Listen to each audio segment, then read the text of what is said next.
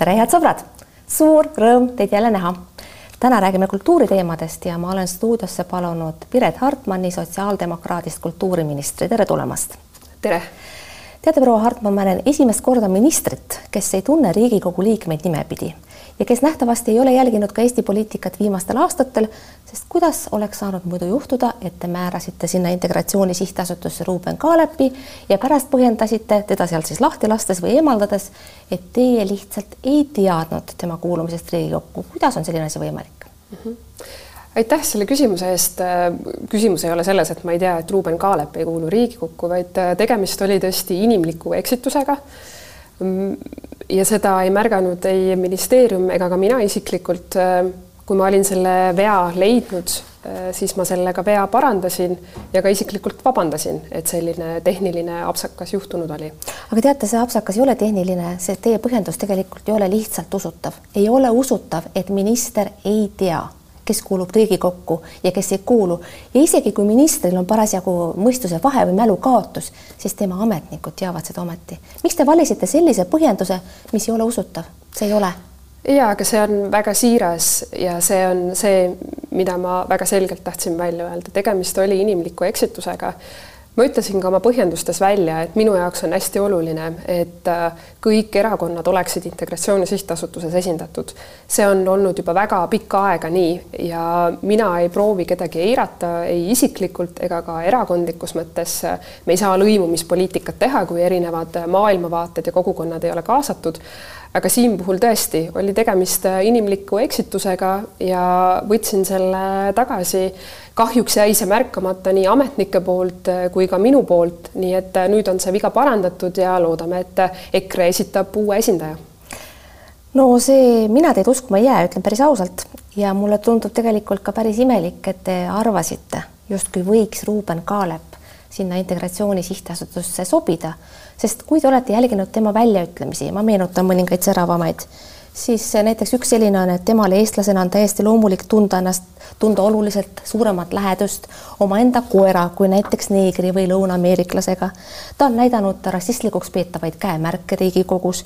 ta on äh, käinud konverentsidel, mida iseloomustatakse kui rassistlikke. kas teie meelest tõesti säärane inimene oli sobiv integratsiooni sihtasutuse nõukokku? Isiklikult ma ei nõustu äh, Ruuben Kaalepi seisukohtadega ja kindlasti selline käitumine ei ole kohane Riigikogu liikmele. aga Integratsiooni Sihtasutuses on äh, selline kokkulepe, et erakonnad teevad oma valikud ise ja minister ei ütle erakonnale, millise inimese ta valima sinna välja peaks, nii on alati olnud. aga ma väga loodan, et äh, EKRE sai väga selget tagasiside ühiskonnalt äh, Ruuben Kaalepi osas ja järgmine inimene, kelle ta valib, äh, et oleks inimene, kes oleks valmis tegema koostööd selles valdkonnas, kes oleks avatud oma poolt ja tunnustaks äh, erinevaid rahvusi, kes siin Eestis elavad. hästi. olgu nii, lõpetame selle teemaga tahaksin teiega rääkida kultuurivaldkonnast laiemalt, kuna sobivamat inimest selle teema käsitlemiseks on raske ette kujutada. mul on tunne, et äh, siin on tekkinud teatav äh, dissonants selles, mida valitsus räägib ja mida valitsus teeb.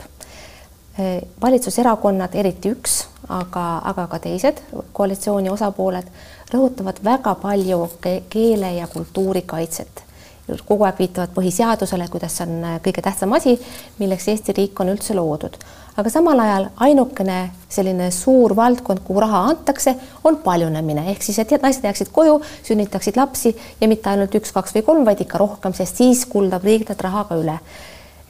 kuidas on tekkinud olukord, kus äh, põhiline kultuur, mil, mida riik siis rahaga toetab, on laste sünnitamine, mulle tundub, et midagi on siin valesti läinud no päriselt ei vasta see tõele, et äh, sellel aastal on Kultuuriministeeriumi eelarve viiekümne miljoni võrra suurem, kui see oli eelmisel aastal.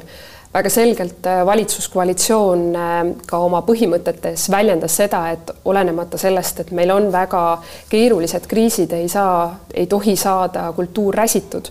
ja tõesti, me seda lubadust pidasime ja sellel aastal on meil rohkem ressursse ka kultuurivaldkonnas, kui oli eelmistel aastatel no mulle tundub mõnes mõttes, et kultuur ei ole nii räsitud olnud äh, ammugi, kui ta on praegu, sest sellel on ka väga selge põhjus.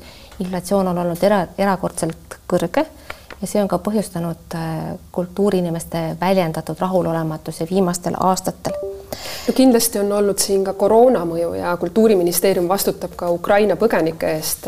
me oleme pidanud väga lühikese aja jooksul korraldama täiendavalt eesti keele kursusi, kohanemisprogramme ja nii edasi. nii et kultuurisektorit on mõjutanud kõik viimased kriisid, mis on Eestis olnud. hästi, minu meelest on praeguse olukorra kultuuris hästi võtnud kokku Sveta Grigorjeva, koreograaf, luuletaja ja tantsija, kes kirjutas hiljuti meie kultuuripoliitika, selle rahastus, loovisikute pidev alatasustamine, mulle näib aina enam, et see on kuritegelik süsteem. Te sõna otseses mõttes tapate inimesi. võib-olla ei ole ette meil näidata nälga surnud koreograafi või kirjanikku, aga igaüks teab, et loovisikud, nii nagu neid nimetatakse, neil on tavaliselt üheksa ametit ja kümnes on nälg. kuidas see ikkagi on niimoodi läinud, et asjad on nii kehvad sest tavaliselt kultuuriinimesed ei väljenda oma pahameelt. asi peab olema väga hull, et nad niimoodi kirjutavad ma kindlasti nõustun Sveta Grigorjevaga ja nende murede ja probleemidega, mida Sveta oma artiklites ja väljaütlemistes on välja toonud. ja ka isiklikult olen ma palunud kultuuriinimestel rääkida sellest olukorrast, mis meil on sest kindlasti üks on see, et mina ministrina saan aru ja ministeerium, mis see olukord on, aga selleks, et me saaksime tuua muutust, on vaja ka, et ühiskond mõistaks täna seda, et jah, Eesti kultuur on väga rikas, meil on väga palju tublisid kultuuritegelasi, meil on väga palju olulisi sündmusi, paistame rahvusvaheliselt tublina aga tegelikkuses äh, meil on tõsine küsimus selles, kuidas äh, kultuuriinimesed selles valdkonnas hakkama saavad. nii et selle aasta fookuses on meil loovisikud, vabakutselised ja need küsimused, mida Sveta välja toob, ma loodan, et aasta lõpuks oleme me jõudnud ka lahendusteni, vähemalt osades küsimustes. aasta lõpuks, sellest ma järeldan, et te kujutate ette, et jätkate kultuuriministrina järgmises valitsuses no ma loodan, et see võimalus avaneb, aga kindlasti jätkavad tööd äh, kultuuriinimeste ja kultuurivaldkonna nimel Kultuuriministeeriumis töötavad inimesed. Äh, arutame seda pärast eraldi, aga ma tahaksin Sveta Grigorjeva artiklile viidates äh, meeles pidada ka teie tagasisidet. et te väljendasite siis pärast selle artikli ilmumist ennast nõnda, et järgmisel nädalal esitlen valitsusele Kultuuriministeeriumis tehtud analüüsi ja ettepanekuid loovisikute õiglaseks tasustamiseks ja sotsiaalsete garantiide tagamiseks. mida see teie analüüs siis täpsemalt ütles, sellest pole avalikult räägitud? jah, me esitasime selle analüüsi eelmise aasta lõpus sooviga siis arutada ka valitsuse tasandil, kuidas me nende probleemidega edasi liigume me väga soovisime, et see arutelu oleks toimunud eile, aga lükkus see kahjuks järgmiseks nädalas, järgmisesse nädalasse, ma loodan, et see väga toimub. ja meie eesmärk ongi valitsuse tasandil kokku leppida, et millised on need kõige olulisemad küsimused, milleni me sellel aastal jõuame. üks on kindlasti ravikindlustus ja pensionite süsteem, teine on õiglase tasustamise küsimus äh, loovisikutele ja vabakutselistele. meie eesmärk on ka äh, loomeliitude ja loovisikute seadus avada, äh, teha seal muudatusi selleks, et siis parandada loovisikute ja vabakutseliste sotsiaalmajanduslikku olukorda ühesõnaga, ma saan aru, et need on need ettepanekud, mida te tegite, aga seda arutelu valitsuses pole üldse toimunudki? ma loodan, et see arutelu leiab aset järgmisel nädalal, et meie soov oli seda sellel nädalal arutada, aga see lükkus edasi. aga ikkagi, missugune on teie hinnangul see õiglane tasustamine?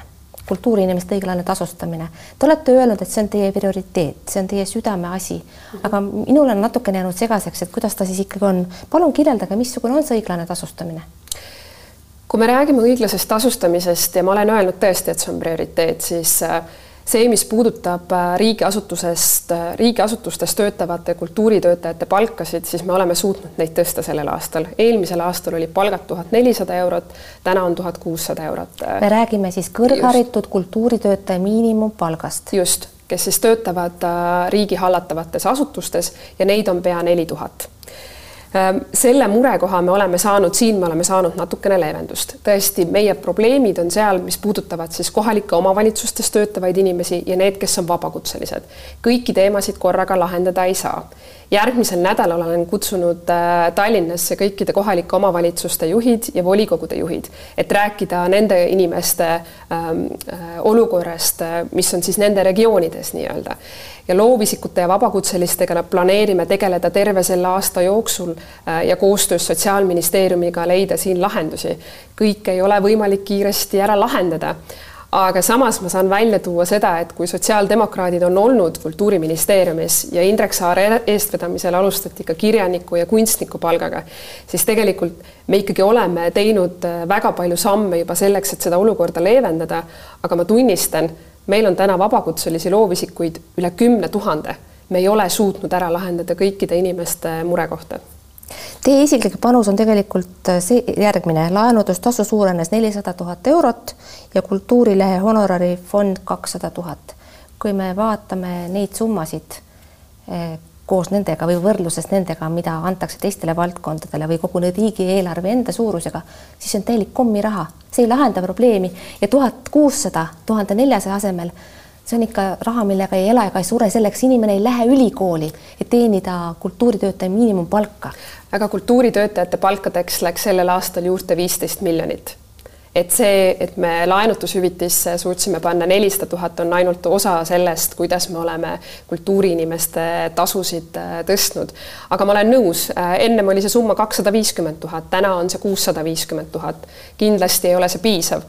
kui eelnevad ministrid oleks teinud siin olulisi samme, siis me ei räägiks nendest muredest. kahjuks need sammud on jäänud tegemata ja täna me oleme tõesti osade teemadega väga suures kriisis tõepoolest, ma arvan, et oleks ebaõiglane, kui ma kõik tegemata töö laoksin teie õlgadele, sest ka eelmised valitsused ei ole Kultuuriministeeriumi eh, tööd pidanud väga tähtsaks ja see ei ole kunagi esimene ametikoht, mida valitsust moodustades eh, tahetakse endale saada, sest seda ei peeta lihtsalt oluliseks.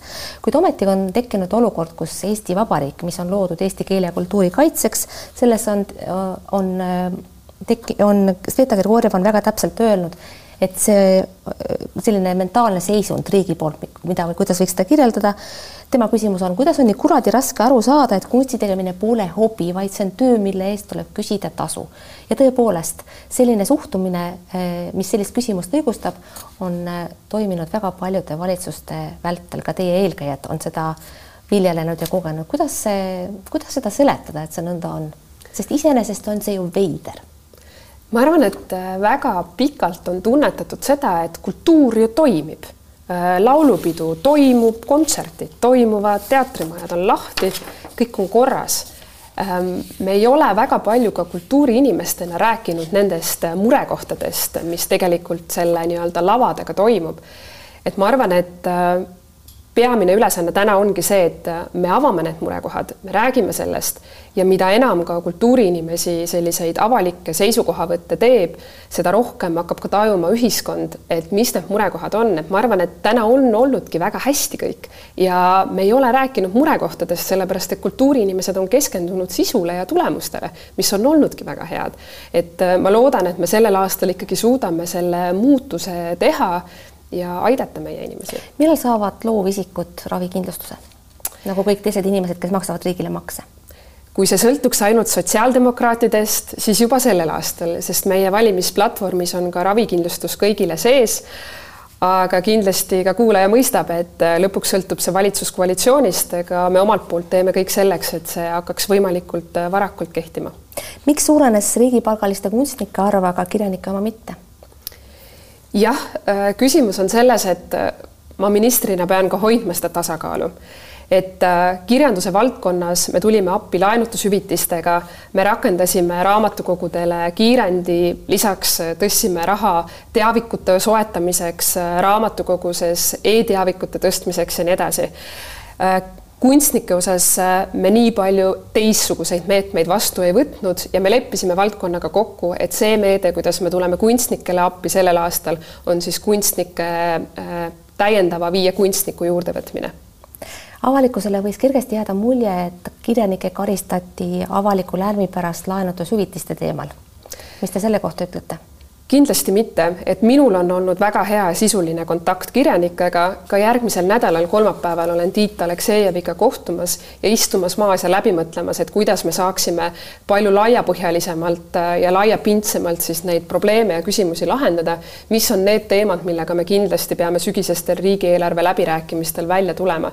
et minul on olnud valdkonnaga väga hea kontakt ja mul on taaskord väga hea meel, et valdkond sisuliselt, need partnerid on kaasa rääkimas ja selles debatis osalemas et mina ei karda ei avalikku kriitikat ega ka diskussiooni, et pigem on see mind aidanud. kõik avaliku debati osapooled teist nii hästi ei arva, nagu teie praegu väidate, et teie neist arvate, näiteks on selline viljakas autor nagu Heli Künnapas, keda võib-olla kirjanikuks on palju nimetada, aga kes autorina oma õiguste eest seismisel ja terve valdkonna õiguste eest seismisel teeb head tööd.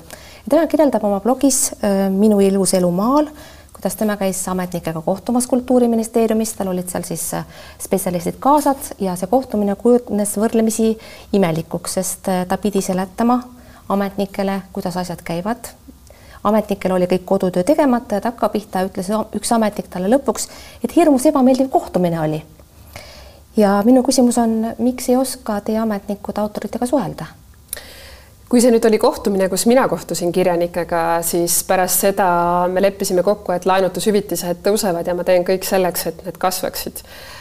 ega kõigile inimestele meeldida ei saa ja aga ma ütlen ausalt, et mind teeb murelikuks, kui valdkond tunneb, et me ministeeriumina ei ole kas piisavalt avatud või sisukaks partneriks olles olnud ise ametnik, siis äh, küllap ma mõistan äh, nii inimeste poolt, mõistan ametnike poolt ja mõistan poliitikute poolt, eks ma proovin neid kompromisse nende erinevate osapoolte vahel luua ja ise võimalikult aktiivses dialoogis oma valdkonnaga olla mulle ka tundub, et äh, võib-olla ametnikud ei ole teil kõige õnnestunumaid väljaütlemisi sel teemal teinud. eelmisel aastal ilmus Märt Väljataga Vikerkaare peatoimetaja kirjutas niinimetatud kirjandusvaldkonnast. äärmiselt pädev ülevaade sellest, missuguses seisus see valdkond on ja sellele tekstile vastas Daniel Raudsepp, Kultuuriministeeriumi kunstide asekantsler Sirbis ja see tekst oli teate, see oli nagu saepuru, see oli kõige hullem kantseliit, mida võib ette kujutada, siga ka ei söö, selline vastik tekst, mitte mingit empaatiavõimet, kus ta viitas väidetavalt siis välja taga vigadele, aga ühtegi nii-öelda valearusaama ümber ei lükanud. Ja mis peamine, see tekst oli nii kuiv ja nii empaatiavõimetu, et minul tekib küsimus, miks ta teil ikka veel ametis on, selline ametnik? no mina ministrina ei kirjuta oma ametnikele ette, mida nad ütlema peavad aga küll eh, olen ma rõhutanud ametnikele seda, et me peame oma valdkonnaga koostööd tegema, neid kuulama ja olema väga sisukaks eh, partneriks. Daniel Raudsepp on väga keerulistel aegadel olnud eh, Kultuuriministeeriumis ja teinud väga head tööd, mis puudutab siin koroonakriisi, mis väga selgelt Kultuuriministeeriumi halvas.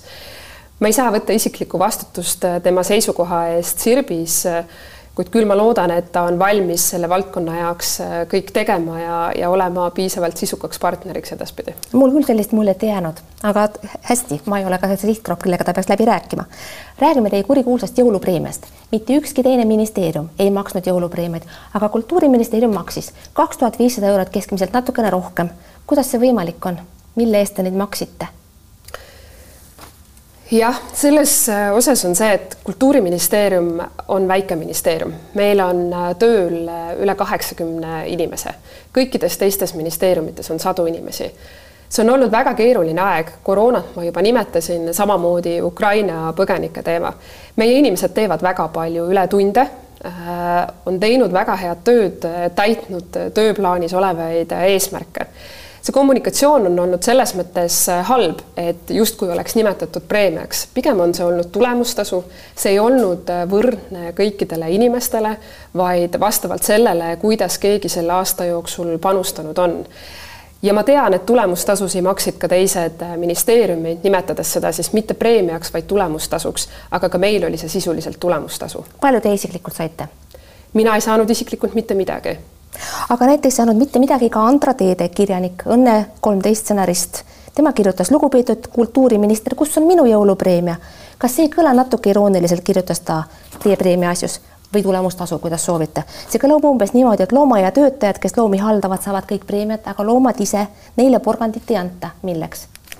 jällegi väga tugev statement selles loos kirjeldab Andra Teede, kui palju ta peab tööd tegema selleks, et ellu jääda ja sellest ikkagi ei piisa kus on tema porgand?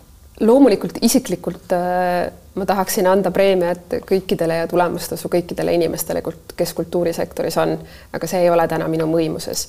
küll on aga minu võimuses teha kõik selleks, et äh, meil oleks keskkond, mis toetaks kultuuri arengut, mis toetaks neid inimesi. meil on päl palju selliseid põhimõttelisi murekohti, mida me peame lahendama, sellest me oleme ka täna rääkinud ja ma loodan, et äh, kuna selle aasta fookuses on need küsimused, siis me jõuame siin ka lahendusteni ja selliseid väljaütlemisi saab olema vähem sellel nädalal kõik toimetused, kultuuritoimetused teadsid, et peaks tulema uudis, tähtis uudis selle kohta, et teatrid saavad natukene rohkem raha. sellist uudist mina kuulnud pole. mis, miks see tulemata jäi? just praegusel hetkel me saadame teatritele infot selle kohta, kui suur on nende rahastamine sellel aastal jah, mõnes mõttes ka inimlikel põhjustel on viibinud äh, konkreetse protokolli kokkupanemine, sest äh, need peavad olema väga täpsed ja detailsed sellepärast et kui eelmisel aastal me alustasime juba sügise alguses äh, taotlusvooru tegemist, siis tulenevalt sellest, et meil oli uus seadus, me võtsime vastu määruse, uued kriteeriumid, me korraldasime taotlusvooru alles detsembri alguses, nii et sellest tulenevalt on need hilinenud, aga täna saavad kõik teatrid äh, teada, milline on siis nende tegevustoetus sellel aastal. mis summadest me räägime, ma saan aru, kõikide teatrite summasid eraldi ei saa nimetada, aga mis suurusjärkudest on jutt? Kokku suuname me teatritele üle kolmekümne miljoni euro sellel aastal. no ja palju Kirjanike Liit näiteks saab või Kultuurilehe honorarifond või midagi säärast? kõiki numbreid ei oska ma siin täpselt juurde tuua, aga kasvavad ka Kultuurilehe honoraride summad äh, üle kahesaja euro või üle kahesaja tuhande euro seda summat ma juba eespool nimetasin ja ütlesin ka selle kohta, et see on kommiraha. Te, kui te astusite ametisse, siis äh, rääkisite, et teid motiveerib väga erasektori, erasektori kaasamine kultuuri toetamisse. mida on selles vallas ette näidata? eelmisel aastal äh, kohtusin ma neljal korral kultuurikorraldajatega, äh, kes on siis eraraha kaasanud ja pea kahekümne suurettevõtja või ettevõtjaga tänaseks on valminud raport selle kohta, et millised on siis probleemid ja murekohad äh, selles osas, miks erasektor rohkem veel ei panusta kultuurisektorisse, on ka parimad praktikad kirjas selles, oleme tutvustanud seda äh, nii oma partneritele, kes kultuurisektoris on, järgmisel nädalal tutvustame seda ka oma allasutuste juhtidele. Ja lisaks äh, oleme ka alustanud äh, Ida-Virumaal hästi sellise konkreetse projektiga, et oleme loomas siis sellist loomefondi, et koostöös riik ja erasektorid panustada rohkem Ida-Virumaa kultuuri. Ja lisaks oleme teinud siis otsuse, et proovime muuseumite valdkonnas võtta ka tööle inimese, kes aitaks siis muuseumitel rohkem eraraha tuua muuseumite arengusse. Kui ma teid kuulan niimoodi tähelepanelikult, siis ma mõtlen teie mineviku peale, te olete olnud ametnik ja kui te siin kõnelete probleemidest ja murekohtadest, siis tekib mul ikkagi kahtlus, kas te ministrina pole viimati jäänud ametnikuks, kes teab küll näiteks, et needsamad loomad on ju, kellest Andra Teede räägib, et te võib-olla küll teate, missugune loom sööb porgandit ja missugune liha, aga missugust keelt nende loomadega ehk siis loojatega kõnelda, võib-olla te ehk nii hästi ei mõista. mis, mida teil on sellise süüdistuse peale öelda? ma arvan, et äh, kultuurisektori jaoks on olnud see väga suur pluss, et on tulnud inimene, kes ei ole vajanud väga pikka sissejuhatus, sissejuhatust. ma ikkagi tunnen äh, Kultuuriministeeriumi teemasid, äh, tunnen neid partnereid ja väga tihedalt olen valdkonnaga kohtumas. ma ei ole minister, kes istub äh, kuldses tornis ja mõtleb, mis võiks olla parem või halvem. kui ma ei tea, siis ma suhtlen, ma lähen koha peale, ma olen väga palju käinud meie asutustes, olen kohtunud nende organisatsioonidega, kes meie valdkonnas seisavad äh, hea. nii et ähm, ja olen ka väga palju tegelikult suutnud selle aja jooksul ellu viia, et see kuus kuud on olnud äh, väga lühikene aeg, aga selle aja jooksul on ikkagi toimunud äh, väga suured muutused ja on äh, rakendatud või ellu viidud väga palju neid teemasid, millest on pikalt räägitud. Ja ma arvan, et just tänu sellele et ma ei vajanud ministrina väga pikka sissejuhatust. kuidas te üldse, jõudsite kultuuri juurde, teie haridus eeldas kõike muud kui seda, põllumajandusülikool, maaülikool ja siis veel mingisugune digivaldkond magistriõppes. mitte jõudsin... midagi, mis viitas kultuurile? ma jõudsin Kultuuriministeeriumisse ministri nõunikuna aga pärast mõnda aega kandideerisin siis kultuurilise mitmekesisuse valdkonna asekantsleriks. Ja seetõttu, et ma tulen Ida-Virumaalt, ma tulen Püssist, äh, kus olid pooled inimesed olid venekeelsed, ka minu enda perekond on täna, minu mees on uussisserändaja, et need teemad kõnetasid mind isiklikult väga. Mul õnnestus äh, nendel valimistel osutuda valituks ja selles valdkonnas viis aastat äh, loodan, et hästi panustada eespool öeldust tegin ma järelduse, et te kujutate ette, justkui võiksite te kultuuriministrina jätkata ka järgmises valitsuses. tõenäoline on aga, no võib-olla mitte päris tõenäoline, aga võimalik on see, et sotsid jäävad üldsegi Riigikogust välja, see pole üldse välistatud, et neil läheb nii kehvasti. ja teiseks, te olete sotside nimekirjas täitsa lõpus, mis tähendab seda, et kui teie Riigikokku tahate pääseda, peate võtma isikumandaadi, mulle ei tundu see tõenäoline. kuidas kommenteerite mõlemat väidet? No lõpuks otsustab valija, kas ma jätkan poliitikas või mitte, et äh, minul täna plaan B-d ei ole, ma olen äh, tegemas või panustamas täna äh, kultuuriministrina nii palju, kui ma saan sellesse valdkonda. ma olen Ida-Virumaa esinumber meil on täna väga tugev nimekiri Ida-Virumaal. inimesed. üldnimekirjas olete üsna lõpus. üldnimekirjas, aga see ongi olnud sotsiaaldemokraatide põhimõte, et need inimesed, kes on äh, ringkondades esinumbrid, ongi üldnimekirjas lõpus ja seda põhimõtet me ka sellel korral järgisime. aga Ida-Virumaal on väga head inimesed kandideerimas, nii et ma loodan, et äh, koostöös meeskonnaga me teeme hea tulemuse ja kui ei tee, siis on selleks korraks nii. hästi tegelikult olete te üldsegi vana rahvaliitlane ja oleks ju võinud minna niimoodi, et te oleksite Rahvaliitu jäänud senikaua, kuni EKRE selle alla neelas. tõsi, te lahkusite päris mitu aastat enne, aga tagantjärele võiks küsida, mis teil õige sinna Rahvaliitu üldse asja oli ja miks te sealt ära läksite? ma olen olnud sotsiaaldemokraat kümme aastat. miks ma läksin Rahvaliitu, oli see, et ma olen päris väi-, pärit väikesest kohast ja minu jaoks oli oluline see, et kõikjal Eestis oleks võimalik elu oleks võimalik areneda ja kõigil inimestel oleks võimalik. see osa Rahvaliidu poliitikast mind äh, too hetk kõnetas äh, väga ja see oli põhjus, miks ma Rahvaliiduga sellel hetkel ühinesin. ja miks ära läksite? Läksin ära sellel põhjusel, et äh, ma ei saanud enam selles erakonnas oma seisukohtade ja eesmärkide eest seista. väga palju tekkis teisi teemasid ja probleeme ja sellel hetkel algasid meil läbirääkimised sotsiaaldemokraatidega ja ma nägin, et see on erakond, kus on mul võimalik äh, seista nende põhimõtete ja väärtuste eest, mis mul on. Ja ma tänaseks ei ole seda kahetsenud, nii et üle kümne aasta olen juba selles erakonnas äh, olnud ja panustanud, küll viimastel aastatel ametnikuna olnud väga passiivne, sellepärast et äh, lõimumispoliitikat eest vedades ei ole sul võimalik teha erakonnapoliitikat, siis sa pead tegema väga erinevate erakondadega koostööd viimane küsimus lõpetuseks, miks ei ole sotsiaaldemokraatidel ajalooliselt eriti vedanud esimeestega, juba Toomas Hendrik Ilves ei olnud mingi õige sots ja hiljem on võib-olla ainukene tõsiseltvõetav ja muide tuumikvalija jaoks siiamaani tagantnutetav äh, esimees olnud Jevgeni Ossinovski, aga pärast teda äh, tulnud äh, Indrek Saar ja Lauri Läänemets ei ole kuidagi väga veenvalt mõjunud suures poliitikas. miks sotsidel esimeestega ei vea? Ma arvan, et sotsiaaldemokraatidel on olnud väga tublid ja tugevad esimehed. Äh, ma ei ütleks äh, täna midagi halba Sven Mikseri kohta või ka Indrek Saare kohta. Indrek Saar oli ka väga tugev kultuuriminister, kes tõi väga suured muudatused nii kultuurivaldkonnas kui ka sporditeemadel, rakendades treenerite palga ja nii edasi. et ma kindlasti ei nõustu sellega, et meil ei ole olnud head esimehed. küsimus on lihtsalt selles, et äh, kuidas sotsiaaldemokraadid sellises üldises poliitik, üldises äh, poliitikas suudavad ennast kehtestada. pigem on olnud äh, see küsimus, et äh, kas meil on olnud pärituult või mitte. Et täna mulle tundub, et sotside reiting kasvab, me oleme mõistuse hääleks väga selgelt EKRE ja Reformierakonnaga vahe, Reformierakonna vahel ja kui me soovime vältida seda, et EKRE-st saaks peaministrierakond, siis täna on ainukene võimalus valida sotsiaaldemokraate, sellepärast et siinkohal ma arvan, ma pean jooma alla, alla tõmbama, sellepärast et otsest valimiskampaaniat siin saates teha kahjuks pole võimalik. Piret Hartman, ma tänan teid selle meeleoluka vestluse eest, head sõbrad, aitäh, et te vaatasite. Vaadake järgmisel nädalal jälle, sest saade on kindlasti, elage vahepeal hästi, kuulmiseni ja nägemiseni